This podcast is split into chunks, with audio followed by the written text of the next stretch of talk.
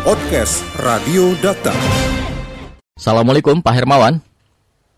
Waalaikumsalam. Pak, bagaimana Bapak melihat masyarakat Indonesia saat ini? Sudah cukup memahamikah pentingnya menggunakan masker atau protokol kesehatan atau justru sebaliknya? Ya, dalam teori perilaku itu kita kenal istilah pengetahuan, kemudian juga persepsi, ya. baru kemudian motif, sikap, tingkah laku. Nah, kita ini sebenarnya udah masuk bulan ke-8 pandemi COVID-19, sudah ada paparan pengetahuan tetapi belum termanifestasi dalam perilaku.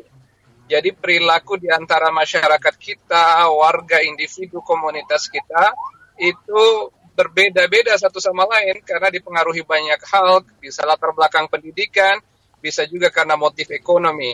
Intinya belum semuanya disiplin dan uh, uh, kompak menggunakan masker. Nah ini poin penting. Di sisi lain memang masker ini penggunaannya ada yang kita sebut dengan golden method untuk uh, pengendalian COVID. Jadi penggunaan masker ini sebuah kewajiban sekarang ini. Yeah. Nah, sekarang tinggal bagaimana kualitas masker dan kualitas perilaku, tetapi kualitas perilaku harus didahulukan ketimbang kita bicara kualitas masker. Jadi ini yang paling penting kemauan untuk menggunakan masker dan caranya juga benar itu yang utama, Bung Maula. Ya. Tapi sebenarnya jenis masker seperti apa sih yang memberikan perlindungan optimal, Pak? Memang dalam uh, masyarakat kita ada beberapa jenis masker. Masker yang paling banyak ini kan yang uh, memang sesuai dengan anjuran adalah masker kain. Yeah. Walaupun masker yang paling uh, safe itu sebenarnya masker bedah ya. Masker yang berwarna hijau, yang biru, yang ada cantolan di uh, hidung dan hmm. juga bisa menutup semua area mulai dari hidung sampai ke pangkal uh, leher. Nah itu yang masker yang baik dan umum ya, walaupun ada masker yang lebih baik lagi, yaitu masker N95 namanya, ya. dan biasanya diperuntukkan terbatas untuk tenaga medis di rumah sakit dan uh, kepentingan khusus. Nah berbicara tentang masker, masker kain pun tidak masalah kalau semua orang satu dan orang lain menggunakan masker kain, asal bahannya itu tidak gampang lecek, bahannya juga tidak gampang pudar, tidak gampang terurai, maka itu tetap bagus apalagi ditambah dengan kedisiplinan jaga jarak dan terbiasa mencuci tangan. Jadi level protectionnya bisa di atas 60 hingga 80 persen. Nah, tetapi memang ada beberapa masker yang uh, secara substantif untuk menghalangi droplet itu tidak betul-betul lebih baik misalnya dibandingkan masker kain lainnya. Masker scuba itu cara menjahitnya dan juga lapisannya memang tidak terlalu uh, bagus ya mungkin kita bisa katakan sekitar 40 sampai 50 persen ya. untuk menyaring droplet. Tetapi kalau semua orang uh, menggunakan itu dengan baik dan benar, kita tetap mengapresiasi penggunaan dan perilaku lebih utama yang paling penting. Ya. Dengan kata lain, apakah masker kain yang masyarakat gunakan selama ini sebenarnya uh, juga beresiko terhadap penularan virus? Iya beresiko tergantung dari cara penggunaannya karena cara penggunaan maskernya itu ada yang tutup uh, mulut tapi tidak tidak tutup hidung atau ada yang pakainya di leher tidak menutup area hidung dan mulut. Nah itu juga masker sebagus apa pun tidak akan mampu menahan laju uh, penyebaran uh, SARS-CoV-2 atau penyebab COVID. Yeah. Nah sekarang kalau pun berbahan masker scuba itu kita apresiasi walaupun kalau memang ada masker yang lebih baik kualitasnya, nah itu kita menganjurkan untuk yang lebih baik. Nah, jadi kita mengapresiasi perilaku masyarakat yang sudah menggunakan masker, apalagi caranya benar, akan lebih bagus lagi kalau maskernya adalah masker yang berkualitas atau lebih baik, bukan yang model uh, scuba gitu ya. Ya. Jadi untuk saat ini sendiri dinilai penting apa tidak tentang masker yang ber-SNI ini, Pak? Iya, ini kan kepentingan produksi massal ya, dan biasanya ini kan kepentingan pabrikan besar. Nah, kalau misalnya pabrikan besar atau produksi massal memang harus ada standarisasi. Hmm. Nah, ada standarisasi karena kaitannya dengan industri kan. Kalau industri berarti perusahaan besar, tapi kalau misalnya masker yang dibuat rumahan, dibuat oleh tangan ibu-ibu untuk kepentingan keluarga karena akses untuk mendapatkan masker yang berkualitas juga mungkin uh, tidak tersedia atau bahkan lebih mahal, ya, ya itu pun tidak masalah. Jadi kita menghargai pada proses penggunaan dan juga pemanfaatan maskernya. Tetapi kalau pemerintah menstandarkan untuk kepentingan industri, produksi massal, selama itu nanti terjangkau, tersedia dan juga murah untuk dijangkau masyarakat, yaitu malah bagus-bagus aja kalau distandarkan. Tetapi bukan sampai jangan sampai merajia orang kemudian mendenda orang hanya karena dia tidak menggunakan masker yang terstandar uh, nasional gitu. Hmm, ya. Tapi sejauh mana Pak tentang masker kain dua lapis mampukah uh, melindungi seseorang dari penyebaran virus walaupun belum ber-SNI tentunya? Jadi begini ya, uh, Bung Maula saya ya. luruskan, filosofi penggunaan masker itu itu bukan takut tertular, tetapi takut menularkan. Hmm, Jadi betul. gunakan masker itu karena kita curiga dengan diri kita, karena kita peduli dengan orang lain, karena kita takut mempengaruhi lingkungan karena kita uh, dalam keadaan sakit, itulah yang menyebabkan penggunaan masker itu menjadi penting karena konsepnya empati dan peduli. Jadi menggunakan masker sekali lagi motifnya bukan karena kita takut tertular, hmm. tetapi takut menulari.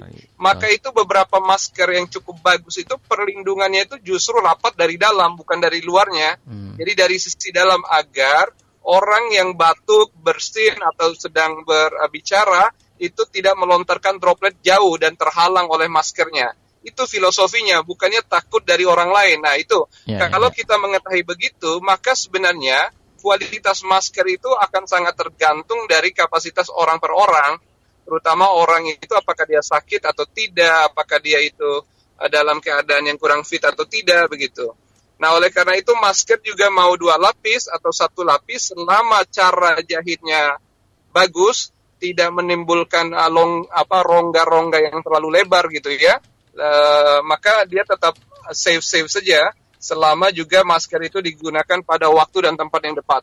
Waktunya juga tidak boleh lebih dari 4 jam agar juga kesehatan kita dari virus dan bakteri lain lebih terjaga. Jadi uh, itu cara berperilaku yang benar gitu. Ya. Jadi uh, concern kita adalah cara berperilakunya. Kualitas masker penting, ya. tetapi dalam kasus seperti saat ini kita memprioritaskan perilaku, perilaku. ketertiban, baru kita bicara uh, level maskernya. Begitu. Ya.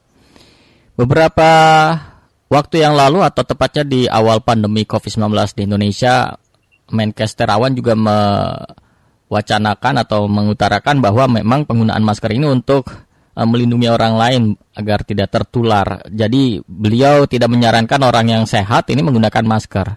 Bagaimana tanggapan dari Pak Hermawan sendiri? Iya, itu kan tentu dulu ya. ya. Tadi seperti yang saya sampaikan filosofi awal, tetapi sekarang karena terjadi pandemik, terjadi local transmission, bahkan silent transmission, maka setiap orang berkewajiban menggunakan masker, terutama pada area-area publik atau yang bersentuhan dengan keramaian. Jadi tidak perlu ada pembedaan lagi sekarang karena kasus juga udah lebih dari 300 ribu kasus positif di Indonesia. Jadi semuanya harus sudah waspada dan wajib menggunakan masker. Hmm.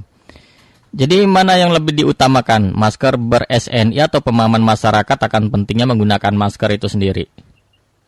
Ya, tentu pemahaman dan uh, pemahaman akan berwujud dalam bentuk perilaku dan kedisiplinan. Itu yang paling utama. utama. Mengenai SNI ya tentu harus dijamin dulu standar dan juga aksesnya biayanya juga uh, agar bisa terjangkau masyarakat. Bila perlu digratiskan oleh pemerintah. Oh. SNI bagus, tetapi uh, kedisiplinan lebih diutamakan. Bisakah dijelaskan Pak Hermawan berapa lama sih durasi masker itu digunakan agar maksimal manfaatnya atau penggunaannya?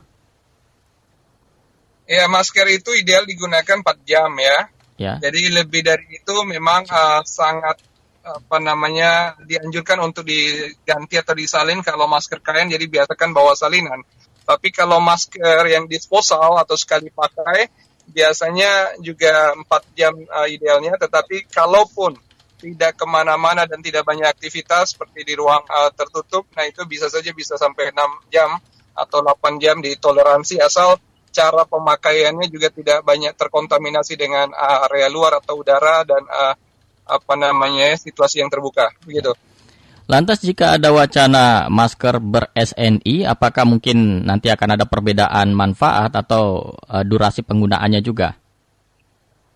Ya kita akan lihat bahannya seperti apa dan juga kualitas. Tapi kalau durasi sih saya pikir tetap sama ya, idealnya itu Oh. 4 jam. Ya. Lebih dari jadi di dalam area uh, mulut kita dan juga penggunaan masker itu bukan hanya SARS-CoV-2 atau virus corona, Ya. tetapi rat, apa namanya ratusan ribu mungkin juga puluhan ribu bakteri dan virus akan menempel dan itu juga akan berpotensi mengganggu kesehatan kita. Jadi uh, memang kita lebih baik mencegah daripada mengobati. Ya. Terakhir Pak Hermawan, apa catatan ataupun saran dari Ikatan Ahli Kesehatan Masyarakat tentang wacana pemerintah yang akan memberikan atau eh, membentuk masker ber-SNI agar lebih maksimal? Ya, pertama kita menghimbau ya untuk masyarakat dan kita semua agar penggunaan masker itu betul-betul menjadi perilaku dan budaya baru.